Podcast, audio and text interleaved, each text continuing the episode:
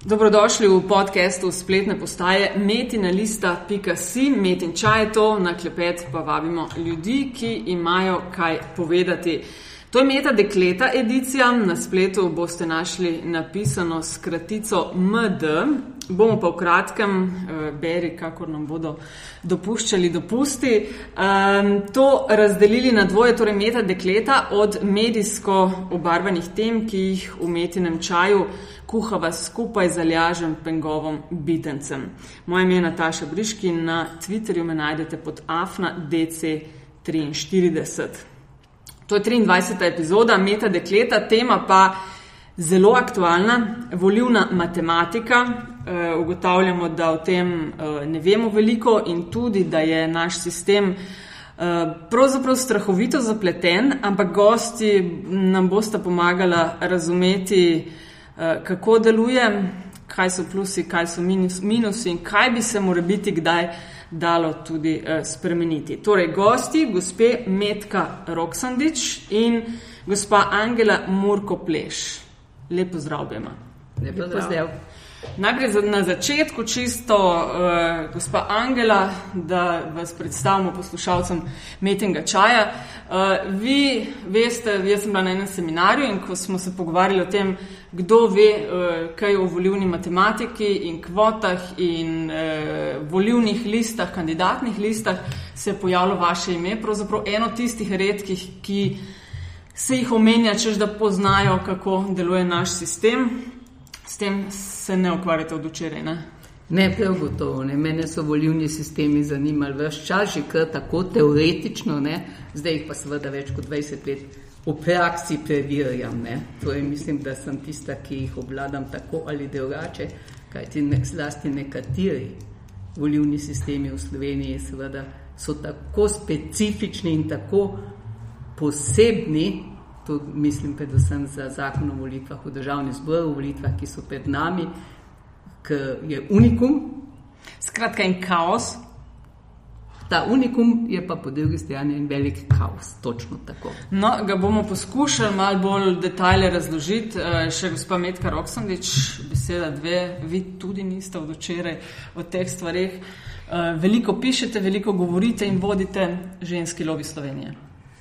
Eh, ja, eh, ženski lobby Slovenije vodim od leta 2009 in moram reči, od takrat naprej se, se pridružujem Angeli pri, pri njenem delu na, na razno raznih projektih, ki smo jih v ženskem lobiju eh, v zadnjih štirih, petih letih vodile, od volitev na, lokalnih, na lokalnem nivoju v teh mestnih občinah do nacionalnih volitev, analize vseh dosedanjih nacionalnih volitev v državni zbor pred, torej do leta 2011. Uh -huh. Tako da se uh, učim od Angele in poskušam osvojiti čim več tega praktičnega znanja in ga uporabiti. Glede na to, da se nam volitve vrstijo uh, skoraj na par mesecev, počitka ni, imate non-stop analize, raziskave, preverjanja, ni. Ja, težko se je sploh pripravljati na takšno anarhijo uh, oziroma um, volitev. Ne? Eh, preprosto več ne veš, nismo navajeni tega. Uh mhm. -huh. no, zdaj mi pa povejte, vidve ste veliko enih konferenc, delata, uh, sodelujete, coaching, mentoring, vse to. A imate občutek, da folk ve, kakšen sistem imamo in kako deluje? Ne. Ampak moram takoj tudi v dobrobit tega. Vsi volivni sistemi so težki in praviloma jih nikjer v podrobnosti ljudje, voljivke in voljivci ne poznajo. Tudi tam, ki imajo 200-300 let staro tradicijo in ker je zavest in vedenje državljank in državljanov na mnogo višji ravni kot pa nas, naprimer, ki je absolutno kome vrtec. Ne?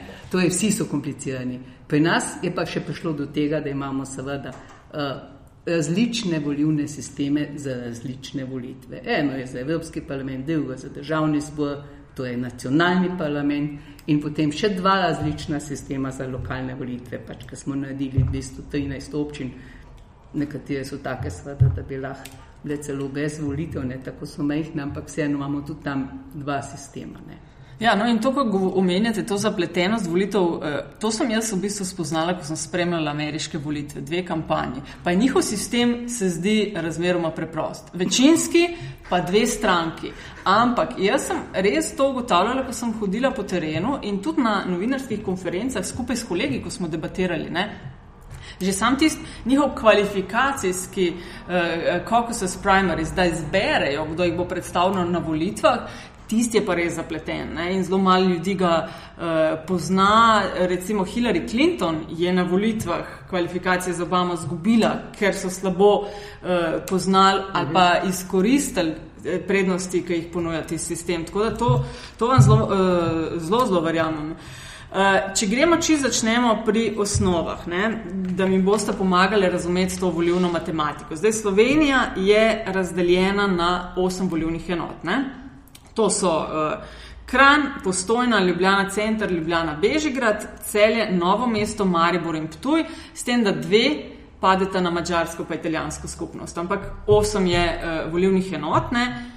Vsaka ima približno po 200 tisoč, uh, sem šla gledati podatke volivnih upravičencev, pri čemer je najmanj jih ima Novomeška 197 tisoč, Bežigrajska uh, 218 tisoč in vsaka od teh je razdeljena na uh, 11 okrajev. Uh, to sem pa opazila, da pri okrajih ni, niso tako zbalansirani, kar se volivnih upravičencev tiče. Ne?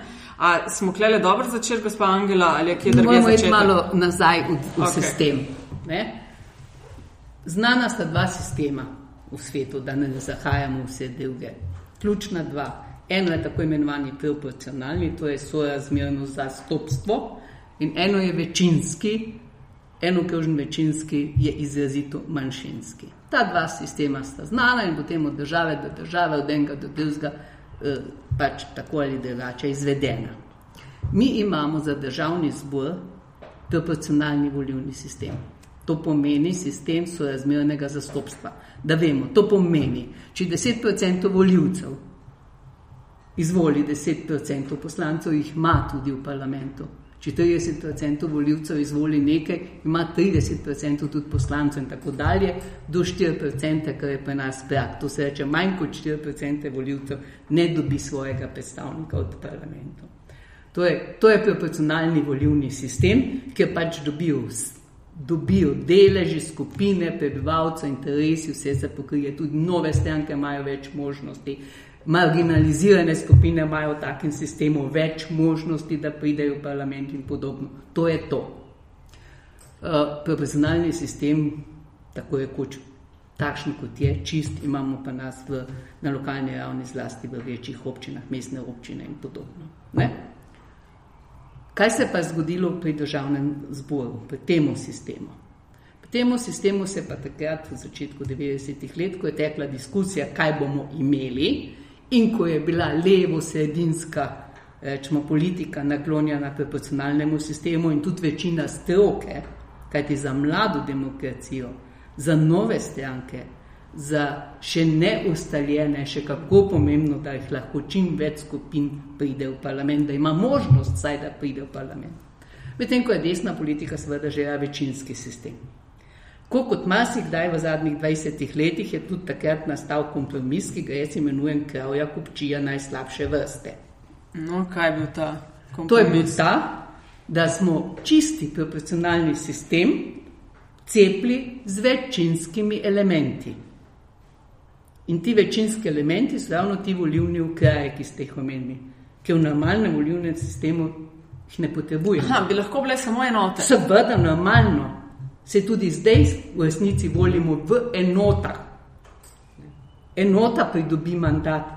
Volivke in voljivci v enoti izvolijo poslanko ali poslanca. Okay, kdo se pa pol izmislil te okraje? Te Komu je to dobro padalo? Po imenih ne bom, ne, Ne, ne, Kdo ni je treba imena. Kdo si jih je izmislil? Ne? Takrat so pač pametni bili, skrb ne bom. Lahko se pa pogleda, kdo je bil pri pripravi zakona. Tako, ni nobena tajnost, vsi so še na sceni, zlasti pravniki. Ne? Zakaj ti okraji? Torej, mi imamo osem enot. Vsaka enota je, pravilno ste ugotovili, plus minus 5%, to je približno enako velika. Ne? In znotraj enote volimo 11 poslank in poslancev. In znotraj enote pride vsaka, vsak predlagatelj, vsaka stranka, kdorkoli pač, ki ima pogoje, da pride na volitve, z, voli, z listo 11. Če ima polno listo, da gremo na polno. Ampak volivka in voljivc pa ne dobi pred sabo glasovnega lističa, ki ima 11 od stranke X. Ne? In bi lahko in vidi, katerih 11 voli, če obkroži stranko X, ali še bolje, če bi obkrožila eno ime na tej, tej stranki, kar bi bilo daleč najbolje in kar smo že nekajkrat predlagali tudi v parlamentu slovenskem zagovorniki spremembe tega, da bi volivka in voljivci videli tudi vpliva, koga izvoli. Ne.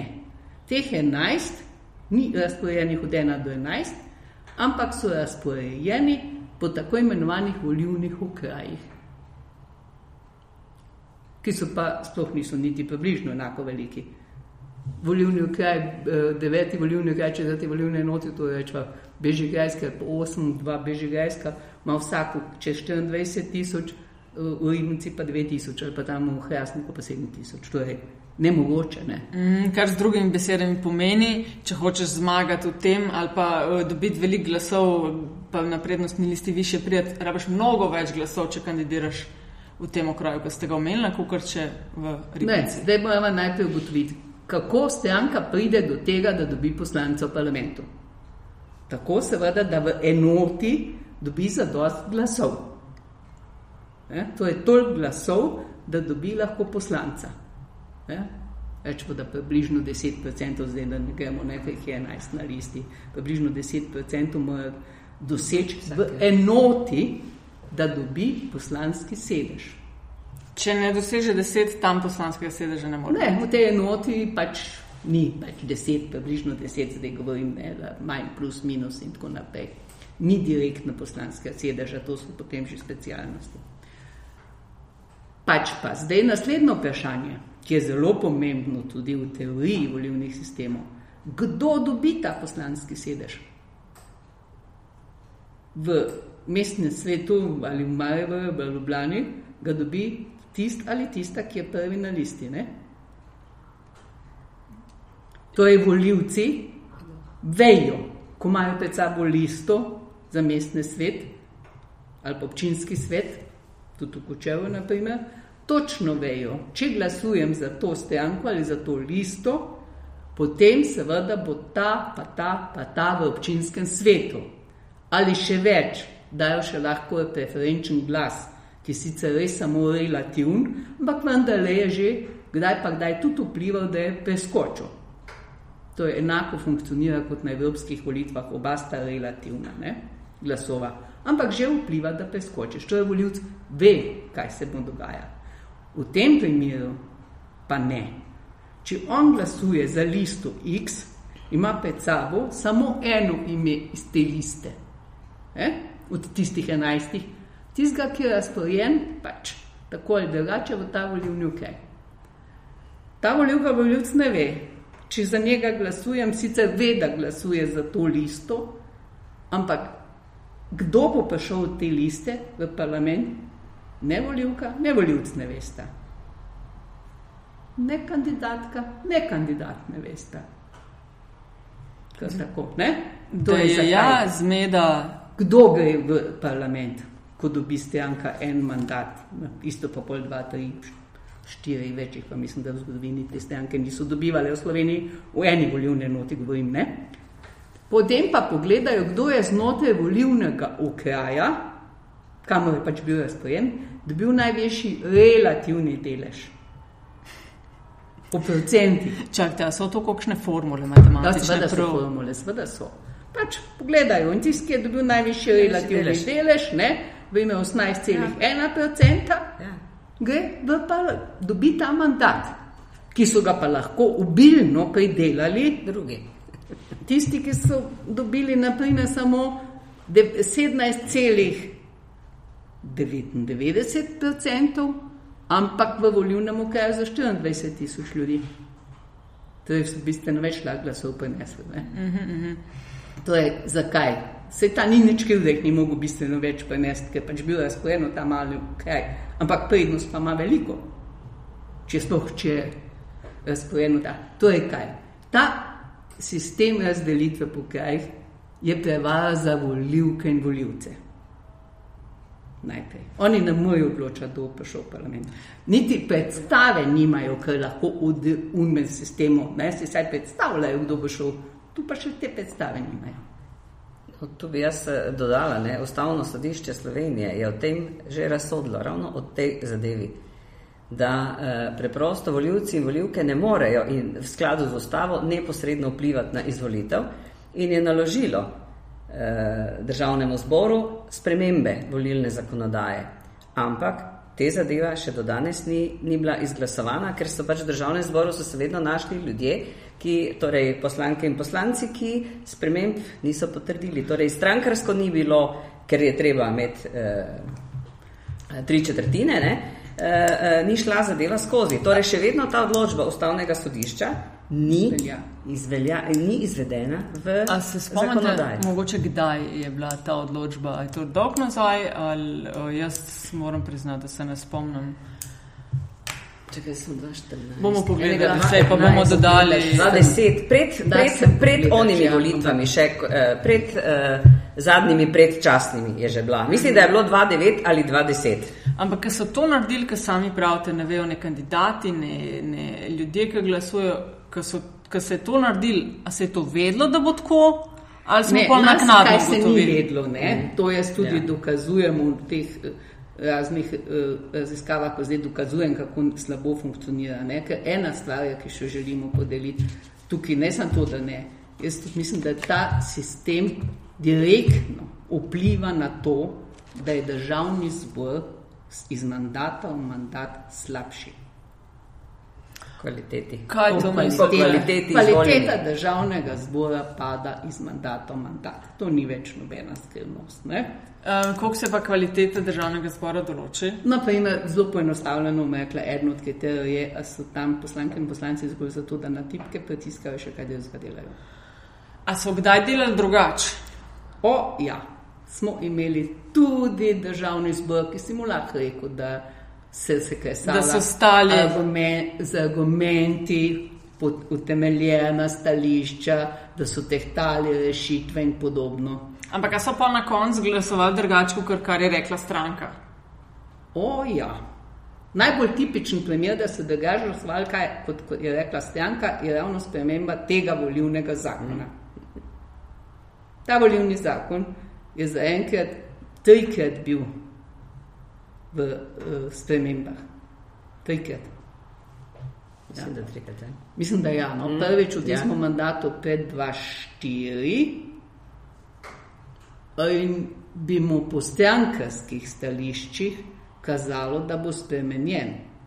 Kajti največja stranka takrat je LDS, druga v koaliciji močna SD in tudi največja opozicijska stranka SDS, vse tri so uradno trdile oziroma so celo imele zapisano v dokumentih spremembo. Poslanci so glasovali po svoji vesti in ga niso spremenili. Okay, in še se je to dogajalo, to je, tudi glasujejo drugače. Kar nekaj, kar če bi ljudje pozorno spremljali, bi videli, da je kar doskrat. Ampak ne gre samo za to, kako na koncu glasujejo, gre tudi za to, kako se poslanke in poslanci vmes, se v odborih dogajajo stvari, ključne stvari in tako naprej, ali so sposobni ali ne. To je ampak dobro, zdaj smo zašli. Pada kvaliteta državnega zboja in to ni več nobena skrivnost. Druga stvar, ki jo še zdaj znamo trdim, pa je, da je tudi ta volivni sistem hkrati ena velika sistemska podlaga za korupcijo. Uh, korupcija je tudi za, za poseben podcast. Ja, tema, ja. Ja. Je in ta je. A mislite, kaj je korupcija znotraj poslanskih? Uh, kakšna je korupcija? V državi. Okay, to je pa ja, veliko vprašanje. Sigurno, ja. V državi. Zakaj?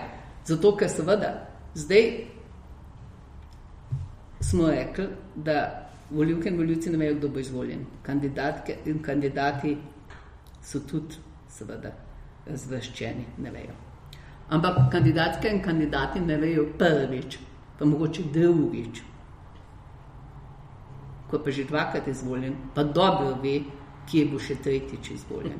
in kje bo četrtič izvoljen, in kje bo petič izvoljen, in se ne pusti premakniti. A veste, kaj mene uh, presenetilo? Ker sem analizirala v enem trenutku ameriške volitve za svojo magistrsko nalogo in sicer uh, sem gledala odstotke tistih, ki ponovno pridejo ali v senat ali pa v spodnji dom parlamenta. Ne? In me šokiral odstotek. 95 do 96 odstotkov je enih in istih noter prišlo. A, zdaj, vi ste omenili, da. Uh, v bistvu kandidati pri nas po enem, dveh poskusih nekako se navadijo, ko dvakrat pridejo v parlament, vejo točno, kam je. Uh, pri nas ta odstotek vsem mm, se mi zdi, da se kar vsaj tretjinsko, če ne še več, premeša z vsakimi volitvami, sploh pa zdaj, ne vem, uh, metka se, sploh pa zdaj, kaj je na vsako leto, na pol leta smo v tej predvolilni mrzlici. Ne? Samo leta 11 se bistveno premeša, pa ne. Ampak ni za primerjati. Ameriški mm, sistem se ne da primerjati, to je večinski sistem in tam je ne glede na to, se pravi, enako pravni tehnik, tako ni nikoli ne. V tej strašni ameriški demokraciji, ki nimajo niti neposrednih volitev, danes ne bomo govorili, ne? Ne. Ker tam niti neposrednih volitev ni. Seveda, elektor je voljo. Ja. To je večinski sistem. Ok, pustimo ameriškega, gremo nazaj tako, na slovenskega. Ja. Zakaj? Ja. Zato, uh, Sej ni nič narobe, če bi v enako pravni tekmi bil poslanc izvoljen zaradi mene tudi desetkrat, če bi bil izvoljen v enako pravni tekmi. Torej, če bi imeli listo enajstih, na kateri bi lahko ljubke in voljivci zbirali z absolutnim preferenčnim glasom na jaz sem privrženka tega, da je absolutni preferenčni glas, to se reče, da v, v parlament pride tisti, ki dobi največ glasov voljivk in voljivcev. Potem je za mene lahko ena poslanka ali en poslanec izvoljen, koliko je krat hoče. Ker če ga 200 tisoč ljudi vidi, oziroma v enoti 200 tisočih vidi kot tako dobrega, da ga ponovno izvoli, potem je prav, da je izvoljen. Drugo pa je v tej situaciji, ko ga ponovno izvoli 1200, pa 1400, pa 1800, ne v enoti 200 tisoč, enoti 200 tisoč, seveda obilno prispevajo, da je on ponovno izvoljen, ampak zato, da dobi on najvišji relativni delež, je pa odvisen samo od tistega volivnega okraja. Kaj se bolj splača? Zdaj, jaz, tako, jaz res ne poznam tega sistema tako dobro, niti približno ne kot vidve. Kaj pa se v bistvu splača v tam male okraje baljati?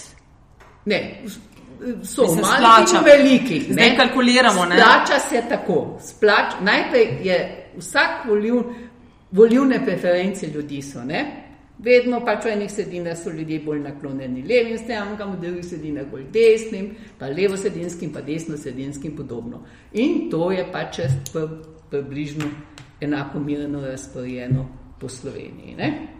In zdaj najbolj se seveda ti splača se ti iti v okraj, ki je naklonjen opciji, na kateri list ti kandidiraš. To se reče, če kandidiraš na stranki iz leve provijence, potem se ti splača iti v kraj, kjer je volilno telo naklonjeno volil, levici. Potem pa je že fajn, če pogledaš, aha, dva, v dveh volilnih okrajih je volilno telo naklonjeno zelo levici. Eden je bolj mehen, eden je velik. Ja, v mehen ga bom šel. Aha. Vseeno je lažje. Zakaj je lažje? Tukaj je tudi tisto, kar si je zdrzno trditi, da je to uh, tudi podlaga za koruptivnost.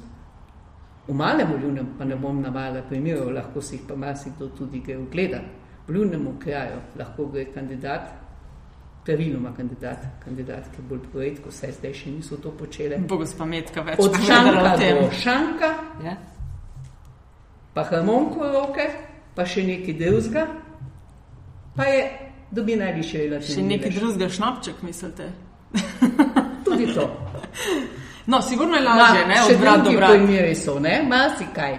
Ampak potem v naslednjem mandatu bo pa on še že mogoče dal zasfaltirati še kakšen meter ceste več v tem mal volivnem kraju, pa si bo še tako zagotovil mandat, ne? In še v naslednjem mandatu, pa nič ga ne briga v njih 200 tisoč, ki mu ga vedno da ta mandat. Njega briga samo tistih nekaj tisoč, pri katerih se on No, a imate podatek mogoče za same okraje, čist, koliko, so, koliko je vem, najmanjši, koliko šteje teh nekih volivnih Mislim, da je najmanjši hrastnik, Koliko ima to ljudi? nekaj čez 7000. Aha, največji pa. Uh, na, med največjih sta pa oba Novogoriška, Jesenica, Slovenska Bistrica, oba Bežigrajska, nekaj tasga. To je pa koliko, pa 10 tisoč. Ne, 24 tisoč, 25 tisoč, No. 30 tisoč, Kar tako 10 velika tisoč. razlika je nastaja. Ampak ni tako bistveno, bistven ta velikost. Ta velikost je, jaz trdim, uh, predvsem jo trdim, da nas, pa uh, aktivne voljivke in voljivce, mi, ki obkrožimo, ne, uh, diskriminira. Ker je glas, naprimer, jaz mm. živim v četrti volivni enoti za Bežigradom, moj glas je najmanj dvakrat manj vreden kot glas volivke v Ribnici. To, ne, to je tista moja. V praksi imamo, če del- pogledate sestavo državnega zbora, sedanjega ali pa preteklih, ne, boste videli, mene je vedno kot občanko Maribora ne, na državno-zborskih volitvah motlo, ne, primerjava, ne vem, občine Ruše, ne, ki je imela vedno dva, celo tri poslance v državnem zboru, primerjavi z Mariborom, ki, ki je 100 tisoč prebivalcev, dobro, voljivcev nekaj manj, ne, pa malenkost več kot, eh, kot ruše. Kar pomeni, da je totalni eh, disproporc, nesorazmerje. Ne? In zato me čudijo eh, današnji strokovnjaki, ne, ki se z volilno zakonodajo ukvarjajo, ki govorijo, pa tudi strankarski ljudje, ki govorijo, da gre zdaj vsaka sprememba volilne zakonodaje, da bojo ma, ljudje v manjših krajih eh, bo manj jih eh, predstavljalo v ljudi v državnem zboru kot do zdaj. Ne. Danes je resnica v bistvu ravno obratna. Ne. Veliko večjih mašin, če pogledate, jaz ti pogledam, ne vem, tudi Ljutomer, eh, torej Ormož, veliko krajev manjših po Sloveniji je, ki imajo svoje poslance in poslanke v državnem zboru. Mesta imajo manj. Ampak tu ne gre zdaj za tekmo mesto. Mesto, Ne, ampak eh, gre samo za to, ne, kar ste Ampak gre predvsem za to, kar je Angela podarila, gre za to uh, uh, pokritost znotraj volilnega okraja, uh, volilne enote. Znotraj volilne enote, uh, kako, so, kako so kraji ne, razporejeni. In če pogledate to našo Mariborsko, ne, sedmo volilno enoto, ne, ki se razteza od Šmari pri, Ah, ja. pri Jelšah do avstrijske meje. No, to ste zdaj me pripeljali do teh uh, tako imenovanih izvoljivih in neizvoljivih uh, okrajev. Ne? Mi smo uh, v okviru projekta Meta Dekleta uh, skupaj v sodelovanju z društvom Vita Aktiva naredili raziskavo, uh, ki jo bomo v kratkem tudi objavili. Ampak ena od stvari, ki smo jih raziskovali, je bilo, zakaj ženske več ne grejo v politiko. Uh, razlogi za odsotnost, predvsem tudi mlajših žensk v politiki. To smo ugotavljali med drugim tudi prek vprašanja eh, v politiki, še posebej na visokih položajih, je malo mlajših žensk. Zakaj menite, da je tako? In eden od dveh najpogostejših odgovorov, ki smo jih dobili, je bil, stranke žensk ne postavijo v izvoljive volivne okraje ali na izvoljiva mesta na kandidatnih listah. Metka je to res? V praksi tudi. Ja, naša analiza, ki je, ki je avtorica Angela, ena izmed avtoric je dejansko pokazala vseh nacionalnih volitev, ne, da, da so v najbolj izvoljivih eh, volilnih eh, okrajih, ne, tako zvani A, torej najboljše mesto, kjer je volilno telo opredeljeno za, za določeno stranko ali pa leve ali desne provenience, se vseeno, ne, ampak približno se ve, ali pa tiste, ki so levo-sredinske bolj. No. Uh, in je pokazalo, da so bili ti procenti v zadnjih volitvah do 2 do 2,8, uh, so pokazali, da uh, so bili tam od 2 do 6 procentov. Žensk je bilo na uh, volilnih, uh, uh, enota, volilnih okrajih z, z izvoljivostjo A, ne, torej najboljšo. Vse ostalo, torej, ko se to primerja, ne, potem je jasno, Da je jasen to sklep, jasen sklep, da ti imaš lahko 40 ali pa 30 odstotkov žensk na kandidatnih listah. Ampak, če si ti eh, na, na, na, na izvoljivosti volilne okraja D, kar pomeni niti teoretično, nimaš možnosti biti izvoljen, če vseeno, kje si. Ne? Ni variante, da prideš, da si izvoljena v, v državni zbor. Ne? Torej, moraš ta, to volilno matematiko moraš poznati. Mm, Poznajo pa zelo malo ljudi ne? in sploh pa tisti, ki se na novo noter spuščajo, jih zelo hiter uh, da ne uporabljam kakšne grobe besede, okol prenesejo, uh, kje boš ali pa boš, boš kandidiral ali pa boš kandidirala, je fajn enota, ne? čeprav tisti stari mački zadaj in mačke vejo, ne? kje se da. Se pravi, če na kratko v stavku dveh, in, ko nečemu rečemo, to je izvoljiv kraj, je kriterij, ki jih mora tak okraj izpolnjevati, se pravi, a, da ima recimo stranka, na kateri kandidiraš tam močno bazo, ne? še kaj drugega? Ne. To je to. Izvoljiv okraj uh, sem jaz, dobesedno izumila. Zato, ker mi je bilo za dost vseh kolegov tudi v kampanji, ki si jaz vodila, ker so kar naprej uporabljali, kdo je izvolil in kdo ni izvolil. In potem so bili izvoljivi, seveda, praviloma poznani moški, takšni ali drugačni. Vzamemo pač levo-sredinsko opcijo zdaj. Medtem ko pa ženske praviloma niso bile izvoljive po njihovo. Jaz sem zelo hiter, jaz namreč temu zakonu začela oporekati že leta 92, ki je bil sprejet.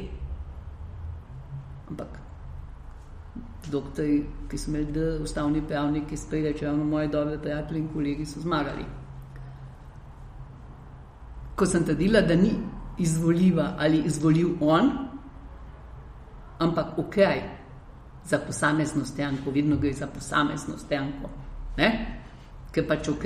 Glede na to, da sam kandidat ne more to vplivati ja. na Tako, izvoljivost, ne? se pravi, je, koliko je Torej, močna če imaš stranka. ti v kraju voljivce, ki volijo levo stranko, je seveda največ teh voljivcev je izvolil za to stranko. V kraj je izvolil, potem bo izvoljen ta. Oziroma, jaz sem včasih rekla, pač toliko kot je v volišču. Če imaš ti toliko zajcev v gozdu, jih ne moreš več postreliti. In če ti imaš to, pet, pet, rečemo, 30% voljivcev neke opcije, jih ne moreš dobiti 35%. Ne? To je zelo visok procent v Sloveniji, 30%. Ene opcije. Ne? To je okraj, zato so okraji izvoljivi. In okraji so vedno izvoljivi za posamezno politično opcijo. Znotraj posamezne politične opcije, potem pa še za stranke, te, ki so že dalj časa na volitvah, se zelo hitro lahko ve. Ne? In kaj? Kdaj sem, zakaj sem začela ta izraz uporabljati? Prvič zato, da sem kar naprej zbijala to, da so neizvoljivi ali bolje ali slabše izvoljivi ljudje in praviloma so bile ženske spolu, tiste, ja. ki niso bile izvoljive. In ker so tudi same rezonirale na ta način, in zato imamo na vsakih volitvah drugo ime, skoraj vsaka stranka, ne različnih, ne, kaj še le nove stranke, bejo. In potem, seveda, ker uh, smo se resno lotili tega, ker po vseh, ker smo pač zakonsko predelili kvot ne, in funkcionirajo v drugih, po drugih zakonih, potem pa ne, da dokažem, da v tem sistemu ne morejo kvote funkcionirati. Kajti mi smo sicer tudi tukaj zapisali samo 35%, ne 40%, kot imamo naprimer zapisano pri evropskih volitvah. Ne? Am- Lahko jaz nekaj plastično ne? dodam eh, za, za osvež, osvežitev in, in, in boljše razumevanje leve, desne opcije volilnega telesa. Ne? Volilnega telesa, torej volivk in voljivcev. V, v Kočevju je lahko na listi uh, SD-ja, bom rekla, torej ali de, leve stranke, Kočevski medved, bom na lašč uporabljala to primerjavo, pa bo izvoljen. Kar hočem povedati, da je vse eno, kdo je na listi tam, ampak bo izvoljen, ker je volilno telo tako opredeljeno. Medtem ko v grosupljen je na desnem polu lahko kdorkoli, pa bo izvoljen na levem, ni variante, da je izvoljen. Torej, in mi imamo takih uh, uh, v bistvu opredeljenih ne, veliko, veliko takih krajev je volilnih. In ko ti v takem kraju manjšem dosežeš velik procent, ja, prehitiš vse ostale znotraj volilne enote, ker imaš, svoj, ker imaš ta procent. In ko stranka to dobi, in to je tisto vedenje volilne matematike, v bistvu. Ampak izvoljivost glede na uh, volilno telo, ne pa ali sem jaz boljša kandidatka ali on boljši kandidat, ker to nima prav nobene zveze. Uh -huh. Drugo je ta pri, pri novih strankah, pa tistih, ki malo bežijo. Ne? No, vpliva lahko tudi ne, podobnosti negativno lahko vpliva kandidatka ali kandidatka, če je izrazito nek človek, ki odbija ali pa če je nekaj zelo slabega naredil v tem, ja, drugače pozitivno pa gre manj. Ne. Tako da ne. Ampak tisti je bilo prej, kar eh, se mi je zdelo pomembno, še kar je Medka začela. Ne? Zakaj uh, okrog tega, uh, kako se razporedijo mandati. Ne? Namreč, ko so 92. ta zakon fasirali, je bil eden od argumentov ne?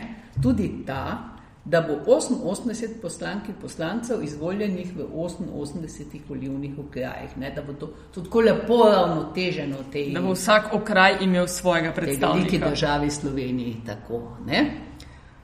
Zavedati se moramo, da je nacionalni parlament predstavništvo vseh dveh milijonov ali vsaj milijon sedemsto tisoč voljivcev. Torej, tudi kandidiramo lahko kjerkoli, ali v Gorni Radgoni, ali v Piranu, ali v Kuzmi, ali kjerkoli.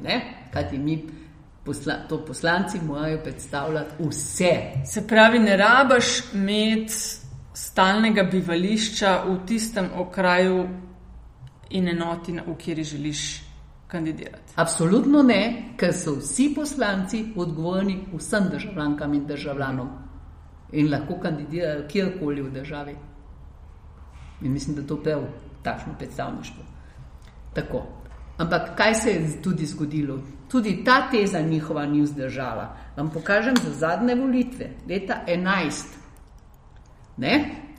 Leta 11 je, naprimer, so ostali brez kakršnega koli, zdaj, kjer koli stranke, ne? gre za to, ker pač, kjer koli stranke, brez poslanca, v, rečemo, prvi volilni noti, to je Gorenska, ne?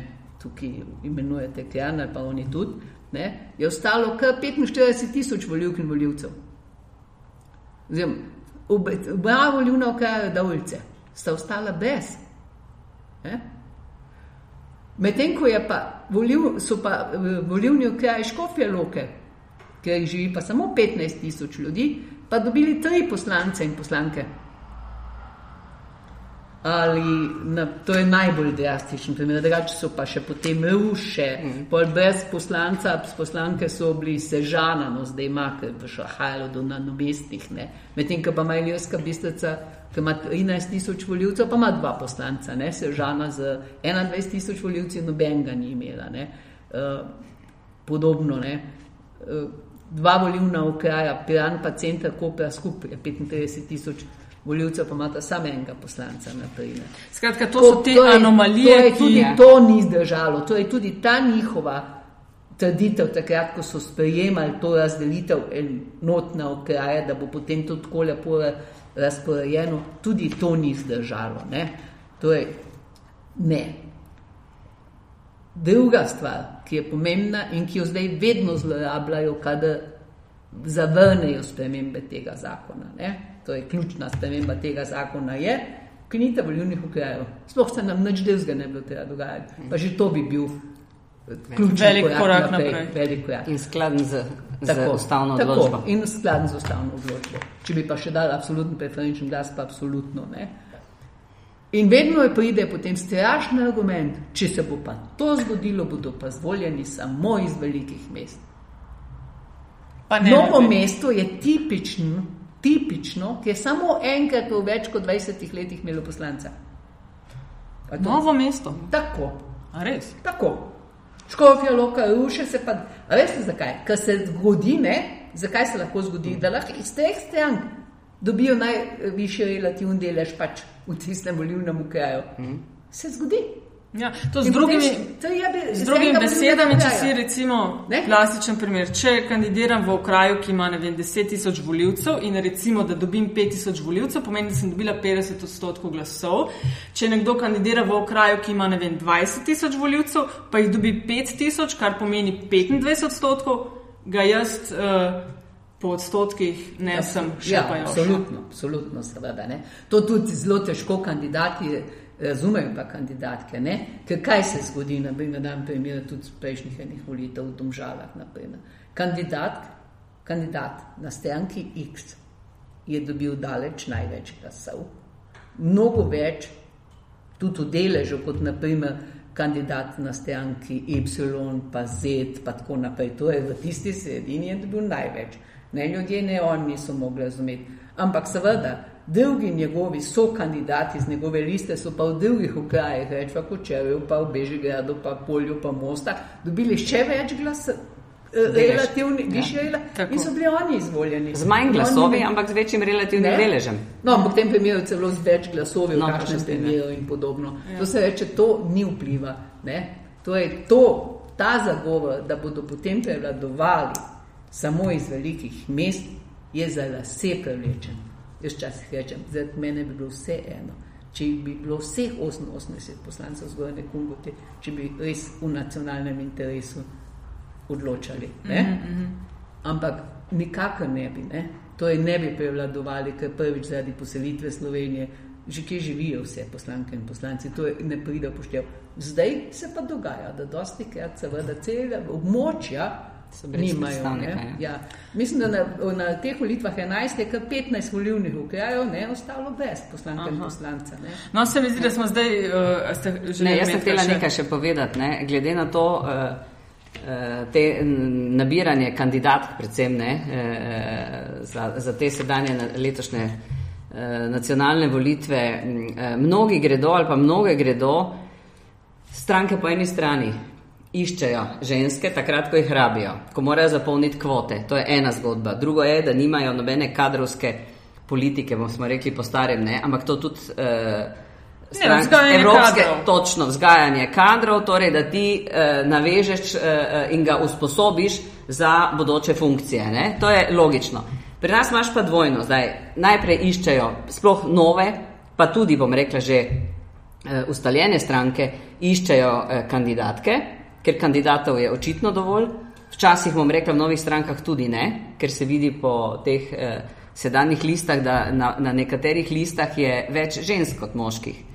Res, to, se, to je zelo bilo presenetljivo, kar pomeni, na kateri. Da, eh, ena izmed njih je stranka Mira Cerarja, potem državljanstvo. Stranka list... Mira, jo, nisem šla šteti. Stranka eh, Mira Cerarja ima več žensk. Govorim v posameznih, eh, eh, ker imaš v posameznih volilnih enotah, Enota. ne okay. okrajih, posameznih volilnih enotah, kjer je skupna lista. Ne? Tam vidiš, koliko žensk je in se je zgodilo, da sem prav morala dobro prešteti in pogledati. Pa mislim, da je tudi državljanska lista ena bila izmed teh. Ampak to ni, ni to pomembno. Htela sem drugo reči. Pri nas vsak, ki vstopa v volilno tekmo, hoče zmagati. Ampak uh, izid volitev je zmeraj tak, da imaš uh, ne zmagovalce v tem smislu. Te, pri nas ravno to razmišljamo. Ne? Če grem jaz prvič kandidirati, pa rečem ja. Potem hočem biti samo v, v, v, v volilni enoti ali pa v oziroma volilnem okraju, kjer lahko zmagam, kjer imam možnosti za zmago. Ampak po tej logiki, ne, bi polovica kandidatov ali pa polovica strank nikoli ne dobila ne kandidatov, ne, ne kandidatk, zato ker že zdaprej veš, da, ni, da nimaš možnosti za izvolitev. Torej, a bomo šli se takšno demokracijo, ne? da bomo šli samo na, na zagotovljene, zagotovljeno zmago, ali bomo šli v tekmo, ne samo enkrat, tudi večkrat in s tem volivke in voljivce navadili, da sem jaz kandidatka, da sem jaz kandidat, da uh, me poznajo na terenu in da začnem razmišljati, koliko glasov potrebujem. Kaj treba narediti? Prvič, koliko glasov potrebujem. In ne razmišljati o tem, koliko, bojo, koliko jih ne bom dobil, ampak koliko jih potrebujem. Angela je rekla, ne, približno 10%. Jaz sem šla tudi Mariborski gledati malo. Ne. Ti točno veš, če vsa na zadnje volitve, glede na delež eh, na volilno udeležbo, lahko točno vidiš in ne vem, v moj tankostni jaz približno 1500 glasov, potrebujem, da sem lahko 1500-1600, da sem lahko v eni določeni stranki, dobim v tistem največji procent, torej največji delež. In to je izvoljivost. Torej, ti moraš izhajati. Tako so včasih delali, tudi od vrat do vrat, bom rekla, torej neke stare metode, ne samo nove metode, ne? televizija, pa, pa, pa internet, pa Twitter, pa ne vem kaj vse, to je vse dobrodošlo. Ampak z voljivci je treba in voljivkami treba delati. No, sej to ena stvar, uh, ki sem jo opazila, je ne samo, da ne poznamo volivnega sistema, druga tudi to zdaj hlastanje po novih obrazih in svežih Ja. obrazih. Jaz to razumem in je vse ok, ampak če so to, bi si mislila, sveži obrazi, ki metka, kot ste rekla, so se prej kalijo na Ja. nekih nivojih in pridejo noter in ne začenjajo spoznavati abecedo delovanja v politiki, ampak že vejo, kako deluje parlament, kaj, kje se lahko najdejo in kje ne. No, ampak pejmo mogoče, da bojo poslušalci in poslušalke imeli ali pa dobili boljši občutek. Ne? Recimo, da želim jaz kandidirati. Pa hvala Bogu, da so liste končane, da ne bo kakšnih eh, špekulacij ali česa nepotrebnega. Recimo, da bi želela jaz kandidirati. Zdaj, stalno bivališče imam v Kočevju. Um, prej ste mi že razložila, da ni nujno, da bi kandidirala v okraju Kočevje. Recimo, da si samo želim noter prideti, da še nimam preferenc, ali bi šla z levo ali z desno opcijo ali s kjerokoli.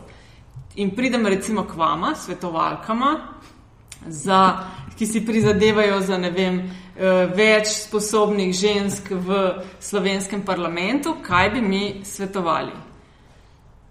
Hočem pa recimo rečemo, ajde, hočem v Kočevju. Kam bi mogla iti? S kjero stranko ali kaj bi, kje bi začeli? No, prvič sem rekla, da kandidiraš lahko kjerkoli v Sloveniji. Ne? Ok, hočem v Kočevju. Potem je samo ena stranka, Je- ki bi bila izvoljena.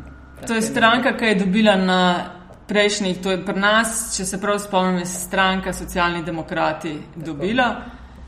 In pa bi prav na njihovi, če bi šla na katero drugo, bi bilo že težje uh, izvoljivo, čeprav se spreminja. Aha, prav Ne. Ne. Zaenkrat ne. Lete, mi smo, ko smo te to izvolili, stakali. Samo ne, ni, a ni pa nas Jankovič. Ne vem, če ni Jankovič največ dobil na prejšnjih. Ja. In kaj pomeni, ali je bil kdo iz Jankovičeve liste izvoljen? iz Um, izvoljen ne, je pa zdaj pa sedi dejansko v parlamentu, ker je Jankovič. izvoljen Ja. Ni To so druge, ampak Aha. govorimo To o izvoljivosti, ne nadomestnih To Ja. sem prej govorila, okay. Da je lahko v Kočevu en drug imel višji relativni delež, rečva, ne, kot ta. Ampak so tudi drugi v drugih volivnih okrajih Pomagali. potem imeli še višji relativni delež kot on in mu torej to nič ni koristilo. Ne? Okej. Torej za ta konkretni primer velja Je to. No. čist, aha. ja, no. Če Če, bi Če š- bi pa seveda šla kandidirati z uh, NSI-ju ali pa SDS-u, potem pa jaz predlagam ribnico. Aha, no, se v Ribni. Ali pa Aha. tudi crknico, no, ampak ribnico, da ostanemo v isti volivni enoti. naprimer. Ja. Uh, kaj pa to pomeni, recimo, pri enih, zdaj, sploh za nove stranke je včasih težko, da najdejo 88, ne bom rekla kvalitetnih kandidatov in kandidatov, pa že sam 88 imen, ki bi šli. In nekdo kandidira v dveh okrajih. Ne? A je to uh, dobro ali slabo? Jaz vem, da so me kakšne kolegi in kolegice klicali zdaj pred temi, ki so sestavljali kandidatnih list in nisem znala najbolj povedati. Ne? To so Verjetno, že taktike, ki jih mi v strankah uporabljamo, zdaj ko rekla, ki jih uporabljamo. Uh, nekatere stranke se tega večkrat poslužujejo, čas, zlasti se LDS tega zelo posluževalo v svojih mm. dobrih časih, ker pač ministre pa podobne, ne, dala v dva volivna okraja, torej da so Ne, bili- lovili ljudi ne, Ja. ja. na ime v dveh volivnih okrajih. Ja. Jasno, da potem seveda so računali, da dobijo Več. več, mandatov. Ne? Slabše je bilo to samo za tistega konkretnega človeka, ker ga lahko, ker nikoli nisem imel dveh tako enako vrednih volivnih okrajev in ga lahko potem en kolega ali kolegica v tretjem volivnem okraju prehitro v relativnem deležu. ne. Drugače pa to nič ne, nič ne pomeni. To je taktika stranka, Pravim, NSE, druge se tega ne poslužujejo, poslužujejo se dosti krat nove, zaradi tega, ker imajo premalo ljudi ne? in potem seveda lahko uh, kandidirajo v dveh volivnih okrajih tudi. Ne?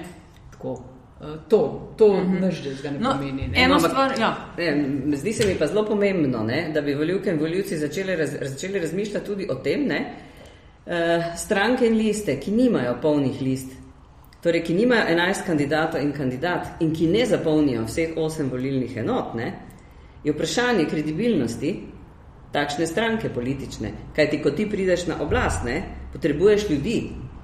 Potrebuješ ljudi. In eh, težko je zapolniti potem vsa, vse tista mesta, ki pač vladanju ali pa eh, sodelovanju v, pri vladanju eh, zahtevajo.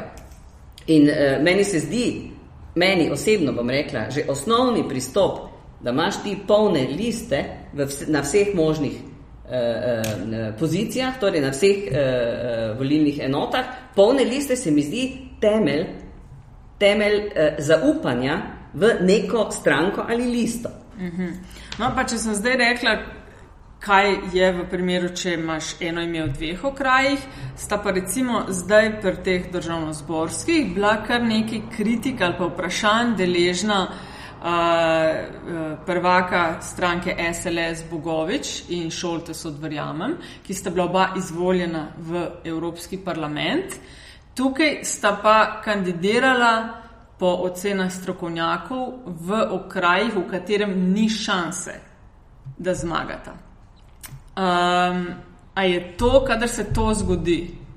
Zato, da če, mislim, če bi bila izvoljena za, za poslanca slovenskega, bi se mogla odpovedati Evropskemu. Takoj. Tukaj, uh, tu je Evropski parlament ima prednost. Ne? V vsakem primeru avtomatsko ti preneha mandat Evropskem parlamentu. Tu ne moreš izbirati. Ne? Lahko so izbirali, včasih smo še mi imeli župane, pa uno, pa drugo. Tukaj pa ni izbire. Če si izvoljen, ti avtomatsko preneha in seveda ne riskirajo, da bi šli v volivni okraj, naprimer tam, ker bi lahko bil izvoljen. Zlasti, Ker ima ta mogoče več. Seveda ne, ne bo šel kandidirati v Krško, ker je bil že izvoljen. Jasno, da ne. ne. Očitno želi ustati. Namreč s tem sta sam pokazala, mislim, ne, šoltes ne more še ocenjevati. Namreč nove stranke težko ocenjujejo. Ne. Mm -hmm. Vseeno ne moreš. Ne. Uh, To smo imeli. No, približno pa veš, da on se ni desen in če ja, bo šel v neko kraj, ja, ne, definitivno, to se pa da. So, to se je že videlo, ne, za en leto 11 so me, po tistem, kar je izbruhnila ta naša raziskava, na veliko klicali in spraševali zlasti pametne ženske, ne, in se niso pustile večkrat tako razvrčati, ne. Uh, tako da bi se vedeli, za Bogoviča se pa točno ve, da mora biti kandidirati tja, kjer ne bo. To je ona, on je samo izrazito pokazal, da ne želi zapustiti Evropskega parlamenta uh mhm. -huh. na ta način, nečdelska. Uh mhm. Še eno, ampak da ne bomo šli v prehude podrobnosti, se pravi, vemo zdaj, da, so, da imamo čisto konfuzijo sistemi za lokalne, državno-zborske, -huh. evropske, tri različne sisteme. Se mi zdi, da se je pokazalo z evropskimi, da so ljudje kar z odobravanjem sprejeli, da je ta preferenčni glas, uh, da res šteje. Recimo v stranki SD z izvolitvijo Fajonove, ki je prehitela prvo postavljenega Lukšiča, se mi zdi, da se je to na nek način uh, pokazalo. Skratka, preferenčni glas je, vi ste razlagali na državno-zborskih, tako rekoč preferenčni. Niti približno ni tako močen kot nekaj drugega. Se pravi, mi v bistvu ne moremo biti. Preferenčni glas lahko imaš ti samo, kadar jih imaš 11. Na listi. Na li, eni pa ni liste v enem. Ti obkrožiš enega. Ja. Ali pa 8, tako kot jih imamo za evropske volitve, ali pa 45, tako kot jih imamo za mestni svet Ljubljanski, ali imajo evropski, mm -hmm. ali pa za enega, ki imamo 23 članov občinskega sveta. Samo tam je možen, ne? tukaj, ki pa imaš ti samo po enega, ni možen. Preferenčni glas za evropske volitve letošnje, ne? jaz sem pa takoj šla pogledat. Mi smo že dvakrat vodili v ženskem lobiju močno kampanjo, da naj dajo preferenčen glas ženskam, eh, za tega delke pač eh, stranke niso vrščale žensk na prvo mesto, ne, ustrezna mesta. No, tudi letos, ko smo eh, kandidacijske liste analizirali, smo takoj ugotovili, no, ampak vsaj na drugo in na tretje mesto so pa kar tri parlamentarne velike stranke so dale žensko na drugo in na tretje mesto hkrati. SDS, SD in pozitivna Slovenija. Tako da S tem smo lahko ocenili, da bo nekaj žensko šlo v Evropski parlament. Vodila se je kampanja za preferenčni glas za ženske, že v tretje. Ne? Že v tretje je bila ta kampanja vodena. Uh, spodbudile smo tudi ženske, same kandidatke, da so si drzni voditi lastno kampanjo za preferenčni glas. Zato je pre, relativni preferenčni glas, ki to je vendarle samo relativni, mislim, ni bil absoluten uh, nadiv. Ampak, ko sem pogledala, kako so pa še ljudje vedno dajali največ preferenčnih glasov, še vedno dobil zvir, ne? ki je že takoj tako bil na prvem mestu. Uh -huh. Kasneje sem celo zvedla, zakaj so vodili, da je tudi tam bila vodena močna kampanja, naj da preferenčni glas Res je, zelo dostih je bilo izvoljenih s preferenčnim. Bi bili izvoljeni, če ne bi bili že na mestu, uh, ženska na drugem mestu na SDS-u.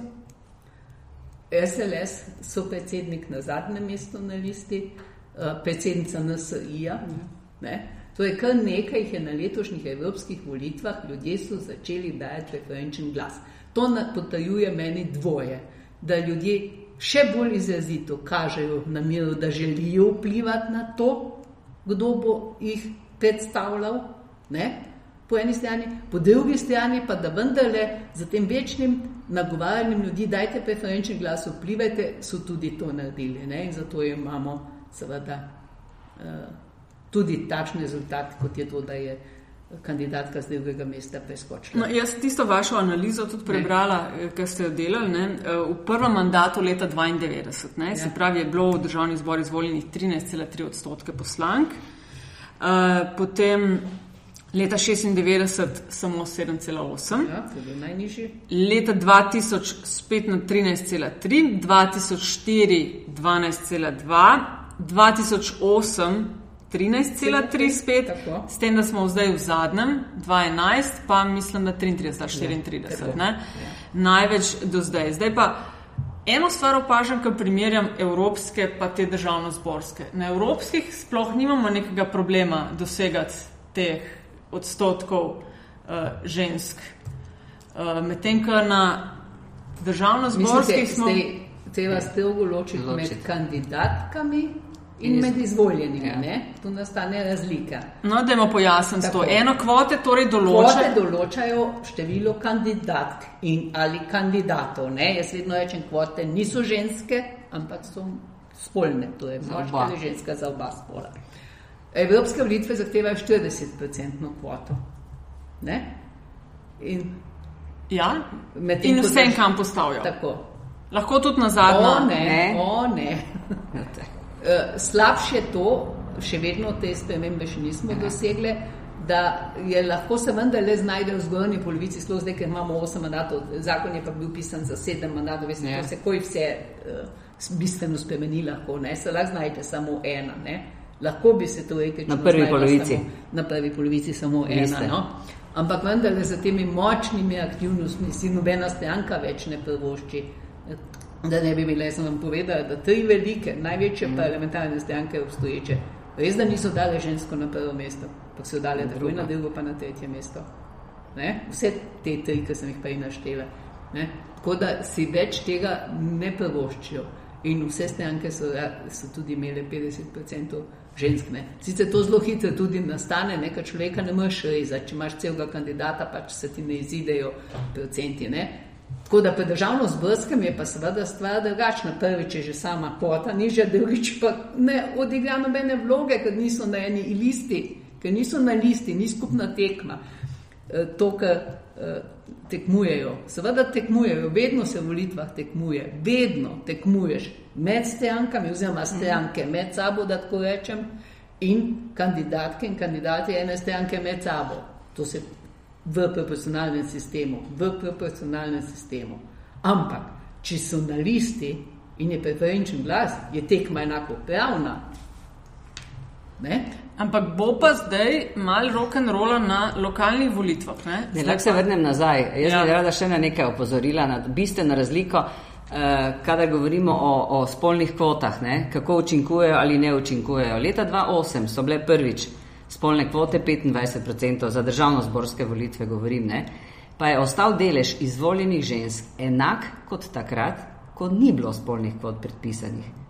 Se pravi, Enako. kaj bi jih imeli? Čakajte, da zaključim. Druga zgodba 2011, ko smo mi delali ta projekt, ko smo analizirali vse, ko smo poslali v vse mestne občine, organizacije, strank, političnih strank po celi Sloveniji, ko se je dejansko to o tem govorilo, ko se je pisalo o tem, se je res sicer delež eh, predpisane kvote zvišal z 25 na 35, ampak delež žensk se je tudi zvišal ne, iz 12, torej 13 odstotkov, je skočil na 33.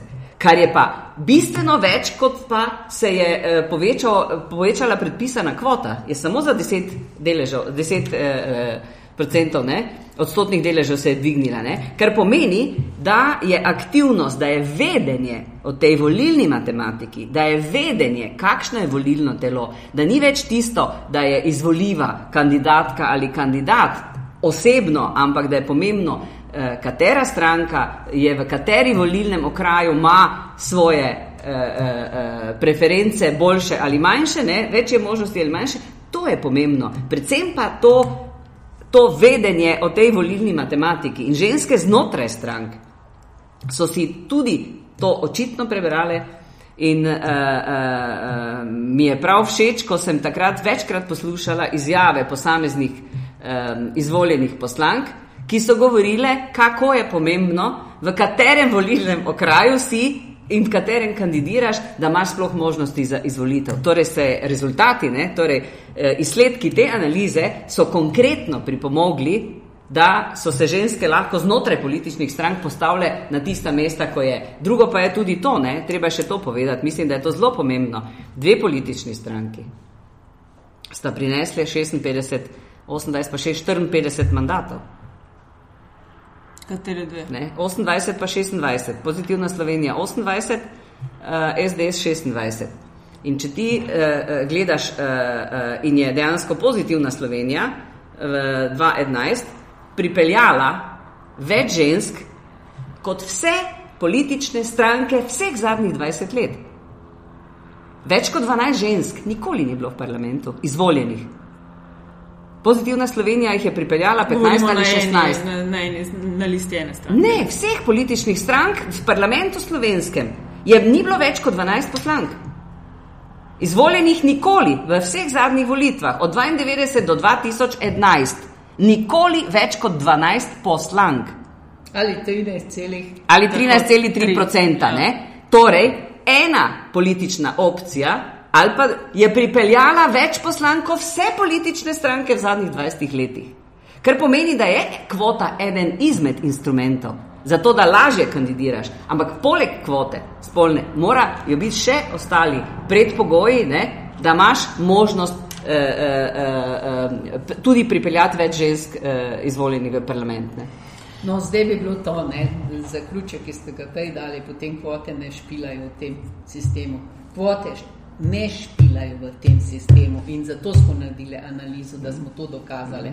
Ampak eno stvar pa naredijo kvote, ne? tudi v tem sistemu. Če ne bi bilo kvote, pa če tudi je mhm. sam 35-odstotna, ja. je tu nižja, potem so tudi stranke, ki ne bi imele nobene ženske na kandidatni ja. listi. Potem pa res ne bi bilo možnosti, niti teoretičnih možnosti, ja. da bi kakšna bila izvoljena. Zato so bile pomembne, ja. zato so bile tudi v tem sistemu. Mi smo pa dokazali, da seveda sama kvota, zakaj v tem sistemu ne funkcionira tako kot v sistemu na lokalni ravni ali pa na evropskih volitvah. Zato, ker je ta sistem s temi volivnimi okraji vse popačil. In tukaj noter ne more funkcionirati tako rekoč. Ne? To, kar je bistvo proporcionalnega sistema, kot sem rekla, da pridejo do izraza posamezne skupine v družbi, tudi v, se odslikajo v parlamentu. Ampak vsaj na liste so prišle, ne? to jih je prisililo, ker pa jih pa še na listah ni bilo. In zakaj ta velik skok leta 11? Leta 11, prej seveda je skozi 12, to je 13, in še nekaj procenta, z, z kažnimi minusi. Kadar je bila močna desna opcija, je bil odstotek malo nižji. Ja. Leta 2004 je malo nižji odstotek, mm. je bila Janša Vazdanka najmočnejša, leta 2008 je odstotek spet zrastel, ker je bila SD najmočnejša. To med desnico in levico se vedno pozna, če je levica močnejša, je več žensk avtomatsko pride noter. Ne? Pač, ker pač več žensk kandidira, je levica kot desnica. Leta 11 se je pa zgodilo naslednje, so padalo neke dobre stvari. Na eni strani seveda že huda jeza in gnev voljivk in voljivcev nad politiko. Ne? Zato smo tudi prišli do predčasnih volitev. Potem, mi smo z, zelo močno prišli z analizi, da ven in ženskam dokazovali, da če se bojo pustile kjerkoli razvrstiti in kakorkoli razvrstiti, da pač ne bodo izvoljene. Ne? Jaz sem rekla, lahko je 40% na kandidatni listi, lahko je 50% na kandidatni listi ali več, pa so lahko vse v tistem, pa ne bo nobena izvoljena. Kaj ti ena stranka uh, ima v eni volilni enoti, ne, v teh 11 mandatov, dobi največ, mislim, da je enkrat dobila uh, LDS pet mandatov v eni volilni enoti. Drugač pa se to lepo razporedi med strankami. Praviloma pa imajo stranke v eni volilni enoti pač. Se lahko izračunamo, ne? če imajo samo deset poslancev, pa če imajo v dveh po, dva, po dve, ali po eni po dva poslanca, drugi po eno, in tako naprej. Če jih imajo 20, bomo rekli, jih imajo pač dvakrat po tri poslance, drugače pa samo po dva. Ne? Naprimer. Torej, se vedno razdeli, ne? in ti enajsto, kar imaš, ti vedno še ženske razporediš na une, ki ne bodo nikoli izvoljene. Ne? To je to. Ampak tu so začele to ugotavljati. Potem sta pa prišla dva nova akterja v politiko. In to se očitno nadaljuje. No, jaz bom, ko jutri, oziroma jutri po jutrišnjem, pa končam zdaj, da vidim, če se mi ponovi isto, kar se nam je ponovilo 11. Ne?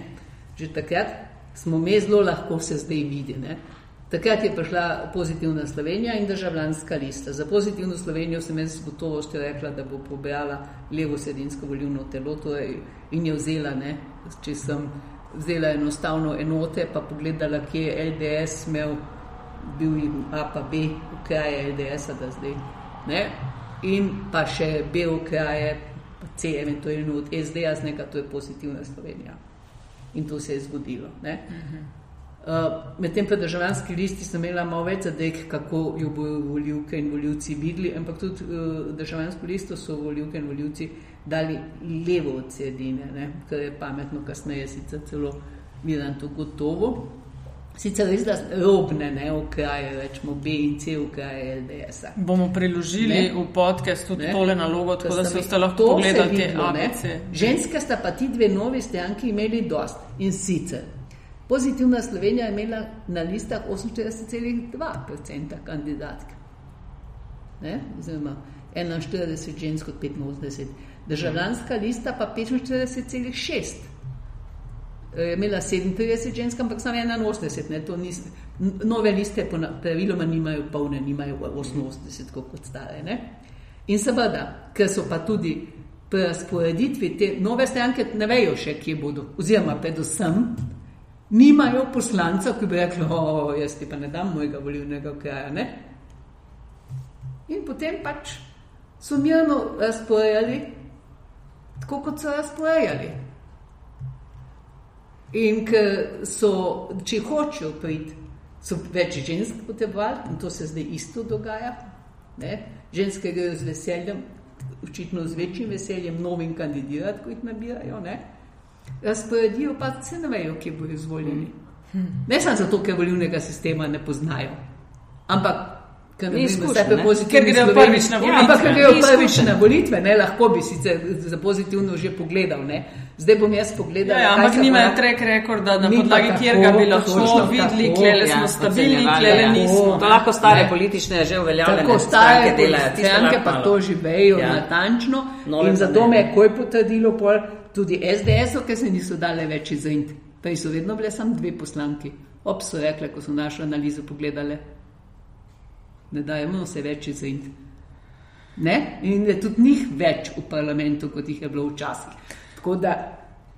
Zdaj, ko boste pogledali skratka te ne? kandidatne liste, malo bolj natančno, boste videla, lahko... če so ženske v strankah, tanke jih bojo locirane. Jaz sem najravno na stranki uh, Mira Cerja, zdaj, ko sem malo spremljala, kam jo bojo ljudje, ne? pomembno je, ja. kam jo ljudje uvrstijo. Ja, Ali jo bojo ljudje uvrstili med levico? Potem je meni zelo enostavno ugotoviti, ne? Kje bojo dobili pa kje ženske, kje ja. bojo dobili in koliko lahko računam. Ne? Ali bodo, a bo nekje vmes, a bo šla po desnem robu, levem robu, Malo težje mi bo, no, vsaj tako sem razmišljal, bom pa videla, kje je, kot mi je bilo naprimer v pozitivni Sloveniji ugotavljati. Ne? Nesporno pa je, da bo to stranka, ki bo zajedla bazen LDS-a, se ta bazen se pol razdeli. LDS, ja ne, ampak. No, pa ko vzameš LDS-a po, po... Ja. ja, bazen, ki ga vzameš iz leta 92 naprej, ne, voljivka in voljivc. LDS, pa, pa za res, ja. pa Uni, pa pozitivna Slovenija. Ampak zdaj bo še vedno pozitivna Slovenija v tem bazenu, bo še. Lenka Beato še v tem bazenu, bo še en del SD-ja v tem bazenu. Združena levica in tako dalje. Ja, združena levica, ko sem jaz gledala po evropskih volitvah, je v glavnem se usidela v v Ljubljana center. Ljubljani. Ljubljani, ker je tudi zgleda, da voljivci so pretežno mlajši, izobraženi levičari. Ne? Tako da ne sega toliko po Sloveniji, ampak nekaj pa bo, ne? tako, da bodo, tako da bomo to ugotovili. Ne? In seveda zaradi tega je bilo več možnosti, da je so leta 11 bil ta velik preskok v ženskah, ki sta ti dva eh, držav prenesla. Ne? Državljanska lista 50% žensk ne? v parlament, pozitivna Slovenija 48,8% žensk v parlament, 50% tudi NSI. Ne? Pač mi imamo desno stranko s predsednico, uh -huh. leve nažalost ne. ne? Je tudi prenesla 50% in je bil ta velik skok. Ne? Kaj se bo pa letos zgodilo, ker jaz poznam, seveda, mislim, da tistega paca na 13,1% več ne bo, ker si te, ki so zdaj v parlamentu, same po sebi ne bodo dale dovolile vzeti volivnih okrajev ženske. Skratka, je zelo Ampak pomembno. izgubile jih bodo, ker bojo njihove stranke zgodile. Ne? Razumem. Vse poslanke pozitivne Slovenije Ampak... ne bodo več poslanke, ker pozitivna Slovenija ne bo dobila več toliko mest. To samo ne. pove, da je predmet volivna matematika, bi moral biti nekaj, kar pred kandidiranjem se je fajn s tem spoznati, če ne želiš, da drugi keglajo s tvojo usodo. Ali pa vsaj približno, da imaš občutek, v kaj se spuščaš, kaj se greš, kakšne so možnosti. Ne? Jaz mislim, da za začetek moramo narediti sistem, to je spremeniti zakon, narediti sistem, ker bo tekma enako vredna in enako pravna. In zato bi mogli v kraju kin, Kin. pa po možnosti še preferenčne. Tako. da. Absolutni preferenčni Absolutni glas. preferenčni glas dati, v kraju kin, tako. Ker zdaj pa tekma ni enako vredna. Zato jih nočejo več kandidirati. Potem je tudi volilna matematika Ne. enostavnejša. Potem kot je zdaj. nobene, ne, se to Ja. špekuliram zdaj. Ker, kako, vaš čas ti težko dobiš kar naprej, rečemo na listi desne stranke, eh, kandidata ali kandidatko, ki bo kandidiral naprimer za Bežigradom, ki je tudi bolj levo usmerjen. Ne? Mož, zato, ker izvolitev, volitev isti noče iti tje, ker ne bo izvoljen. In obratno, naprimer, težko dobiš kandidata ali kandidatka na listi leve stranke, ki bo kar naprej kandidiral naprimer, v Laščah. Ali pa tistemu volilnemu Ja. ja. Tudi ne, ne. To je, ker je tekma neenakopravna. Če bo jih pa 11, bo pa tekma enakopravna, ker se bojo uni voljivci iz Lašč do teh 11 opredeljevali tako kot ti voljivci iz centra Ljubljane do vseh 11. Ne? Torej ne bo noben imel prednosti tiste, ki jaz pravim, enemu noge zvežejo. Ne? Ja, ne, to vse govori o tem, kar ste mi zdaj povedali in hvala za uh, to, da delite te uh, svoje um, znanje z našimi poslušalci in poslušalkami. Vse to govori o tem, tudi v tej raziskavi, ki sem jo prej omenila, da, da jo smo naredili, smo namreč sprašvali, uh, kakšni so vzroki za to, uh, da ženske ne, niso razmišljale, da bi bile politično bolj aktivne. Ne. In najpogostejši odgovor eh, pravzaprav vseh mlajših od 40 let je bil, imam premalo znanja o politiki. In to je točno te matematike tudi in ne samo matematike, tudi samo delovanje v strukturah, kot so vem, državni zbor in uh, drugi nivoji. Ne. Ampak zanimivo je nekaj. Ne? Pri nas je uh, um, univerzitetno izobraženih več žensk kot moških. Uh, in univerza ti da če eno odskočno desko ali pa tudi vem, uh, izobrazbo. Torej, vse se da priučiti, vse se da naučiti. In ne na zadnje, jaz vedno pravim, ženske politiko izvajamo vsak dan doma. Vse to je tudi politika. To je umetnost možnega. Vedno se z nekom dogovarjaš, sklepaš kompromise, si deliš naloge. To je enako tudi v drugem, samo vsebina je malo drugačna. Ampak hočem povedati to, ne, ne sme izgledati to kot neka tabu tema, nekaj groznega, ampak se da čisto vse naučiti. E, gospe, kdaj boste odprli svetovalnico za vse, ki želijo v politiko? Ne, ki želijo v politiko. Ampak- Jaz vedno rečem, ne tiste, ki želijo v politiko. Ali ko pridejo k meni, pa jaz želim kandidirati. Ne, tiste, ki mi potrebujemo v politiki, ki jih družba potrebuje, ki jih volivke in volivci želimo, da jih vidimo Obrniti bo treba vsa zadevo in zato bo res eden od pogojev to, da lahko to dosežemo in da ta zakon za začetek spremenimo. Vsak zakon, noben zakon sam po sebi ne da kvalitete, ampak saj možnosti, ker tukaj pa niti možnosti ni. In zdaj za zaključek bom jaz povedal, zakaj ga nočijo, nočijo spremeniti, kdo ga. Prvo ga nočijo spremeniti poslanke in poslanci, predvsem poslanci, bolj malo poslank, ki točno vejo, ne, v katerih volivnih okrajih so in kako lahko niso izvoljeni, če bodo morali iti pred 200 tisoč ljudi pa nekaj pokazati, kajti oni so vse čas špilali samo za tisti svoj mali okrajčič tam dol in so fajn, kot jaz pravim, tudi korumpirali. Tako. In so zato vedno znova izvoljeni.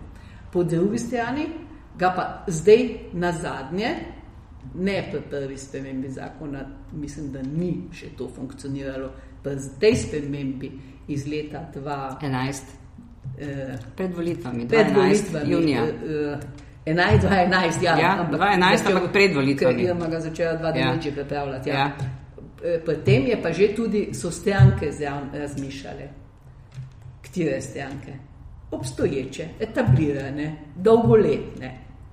Kajti sprememba zakona tudi prinese, seveda, lahko hiter vstop novih skupin. To je bil čas vstaj porajanja novih skupin ne? in sprememba zakona v čisti proporcionalni sistem brez teh čudnih volivnih okrajev, seveda daje tudi možnost novim skupinam, da vstopajo. Ne? Ta zakon zavira tudi to. In zdaj v zadnji spremembi, ki so jo tako z gnusom zavrnili že v prvi fazi mm. V parlamentu, ne, mm. je sopadal interes poslank in poslancev, Vseh. ki so bili zainteresirani, da obdržijo, in strank, ki niso hteli, da pridejo novi akteri v parlament. Ne? Kajti po vsej teoretičnem izhodišču sem jaz rekel, če kdaj, je zdaj, mislim, bo možno spremeniti zdaj, ko novi pridejo, no, ampak je že odpadlo v izhodišču, je že odpadlo, ko so novi prišli. To jaz mislim, da mora tudi civilna družba narediti en velik pritisk na zahtevo, da se spremeni zakon in ne nasedati, seveda, da bi ga spremenjali na način večinskega in vse podobne izpeljanke, kajti tudi to se živalja po tej mali državi. Um, ok, najlepša hvala obema. Zdaj mi podcaste zaključujemo ponovadi s tem, da gostje, gostje povejo kakšno zanimivost, to je lahko kaj povezano z njihovim delom, kaj z njihovim siceršnjim zanimanjem v življenju, ampak skratka nekaj takšnega. Tell me something I don't know, povejte mi nekaj, kar ne vemo uh, in bi lahko bilo zanimivo za uh, širše poslušalstvo. Imate kaj na zalogi, kakšno zgodbo?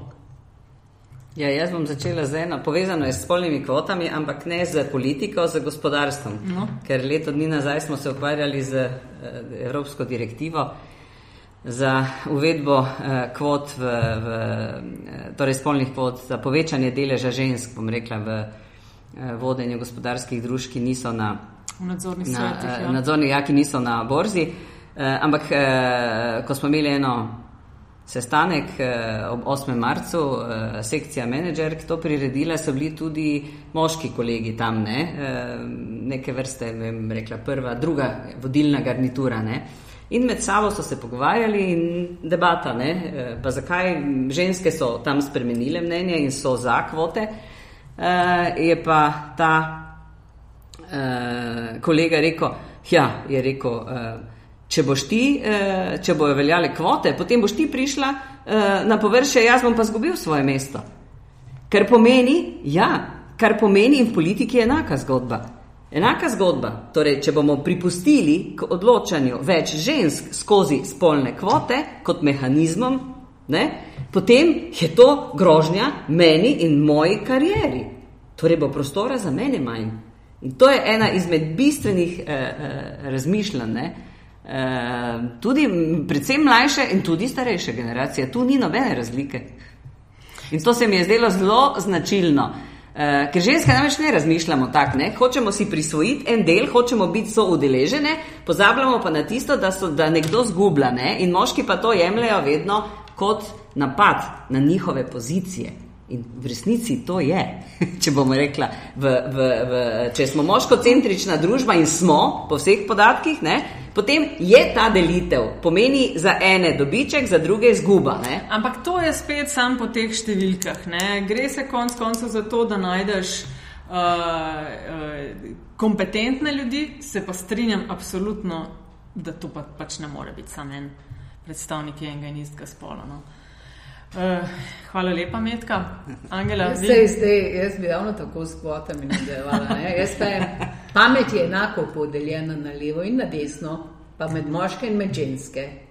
In že samo zato, ker smo dveh spolov, imamo pravico vse posod biti udeleženi, oba spola. Ne?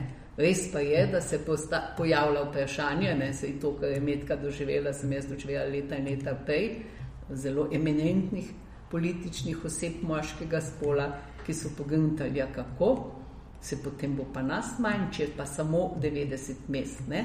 To je vsaka ženska parlamentu več, pomeni, da bo eden od nas izpadel. To je bilo težko sicer pogledati, ampak vendarle. Tako da je pa še en problem, ne? problem smo ženske same po sebi zaradi tega, tako da vemo. Prvič, naša velika subjektivna nekompetentnost, Kaj ti to, kar so vam na anketi ženske izjavljale, moški ne bi, ne? Nikakor ne, oni pa ja, vendar vse obvladajo politiko in nogomet imajo v malem prstu, sploh ne vem, kaj se, kdo se bi še lahko s tem ukvarjal, razen njih, ki to obvladajo do konca, ne? To vidimo, zato tako prosperira naša država čudovito. No, tudi na nogometu smo že šli na svetovno prvenstvo zaradi tega. Ženske pa subjektivno nekompetentne, ne? Ne znam nič o politiki. Jaz znam samo osko neki v zdravstvu, pa v šolstvu, potem, da on ne ve nič, na to pa še pomisli. Ne, ne? To sem jaz nekajkrat ugotovila, ko sem svetnicam razlagala. A veste, jaz sem šla v občinski svet, sem zato, ker želim to pa to poštima do občini. Zakaj pa šel on? Pojma nima, kaj bi poštima v občini. Sam želim imeti pozicijo. Ne?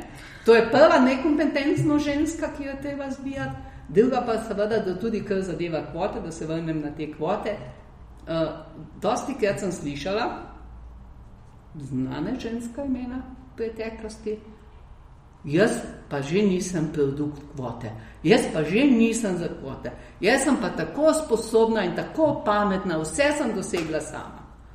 Sicer potem, če sem čas te iste ženske, le začnejo razmišljati, da niso tako enostavno vse dosegle sama, da so morali desetkrat več ali pa vsaj petkrat več delati kot moški, da so kaj dosegli na enaki ravni. Ne?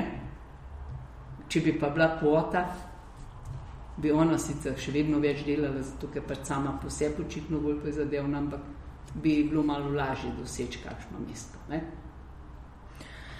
No, jaz vsekakor mislim, da, je, da bo, upam, da bo kmalo prišel trenutek, ko bomo lahko presegli mm. to moški mm. proti ženskam, ker se mi zdi, da svet ne sme biti uh, tako urejen in tako razdeljen, ampak da naj bi šlo za neko partnerstvo in enake možnosti vseh v tem. Tako da hvala lepa obema. Uh, spoštovani in spoštovane, če ste uživali in mora biti tudi kaj novega izvedeli ob poslušanju podcasta Met in Čaj, bomo veseli vaših tweetov, všečkov, downloadov in šerov. Komentarji in predlogi, kako bi bili lahko še boljši, dobrodošli tudi na infoafnametinalista.si. Če pa želite ustvarjanje podcasta in vsebine na metini listi tudi finančno podpreti, lahko to storite na povezavi priloženi na spletni strani. Prisegamo, da z vašimi investicijami ne bomo financirali pornografskih kanalov, ne bomo se šli tajkunskega odkupa metine liste in tudi ne razmišljamo o prevzemu Pop TV-ja. Hvala.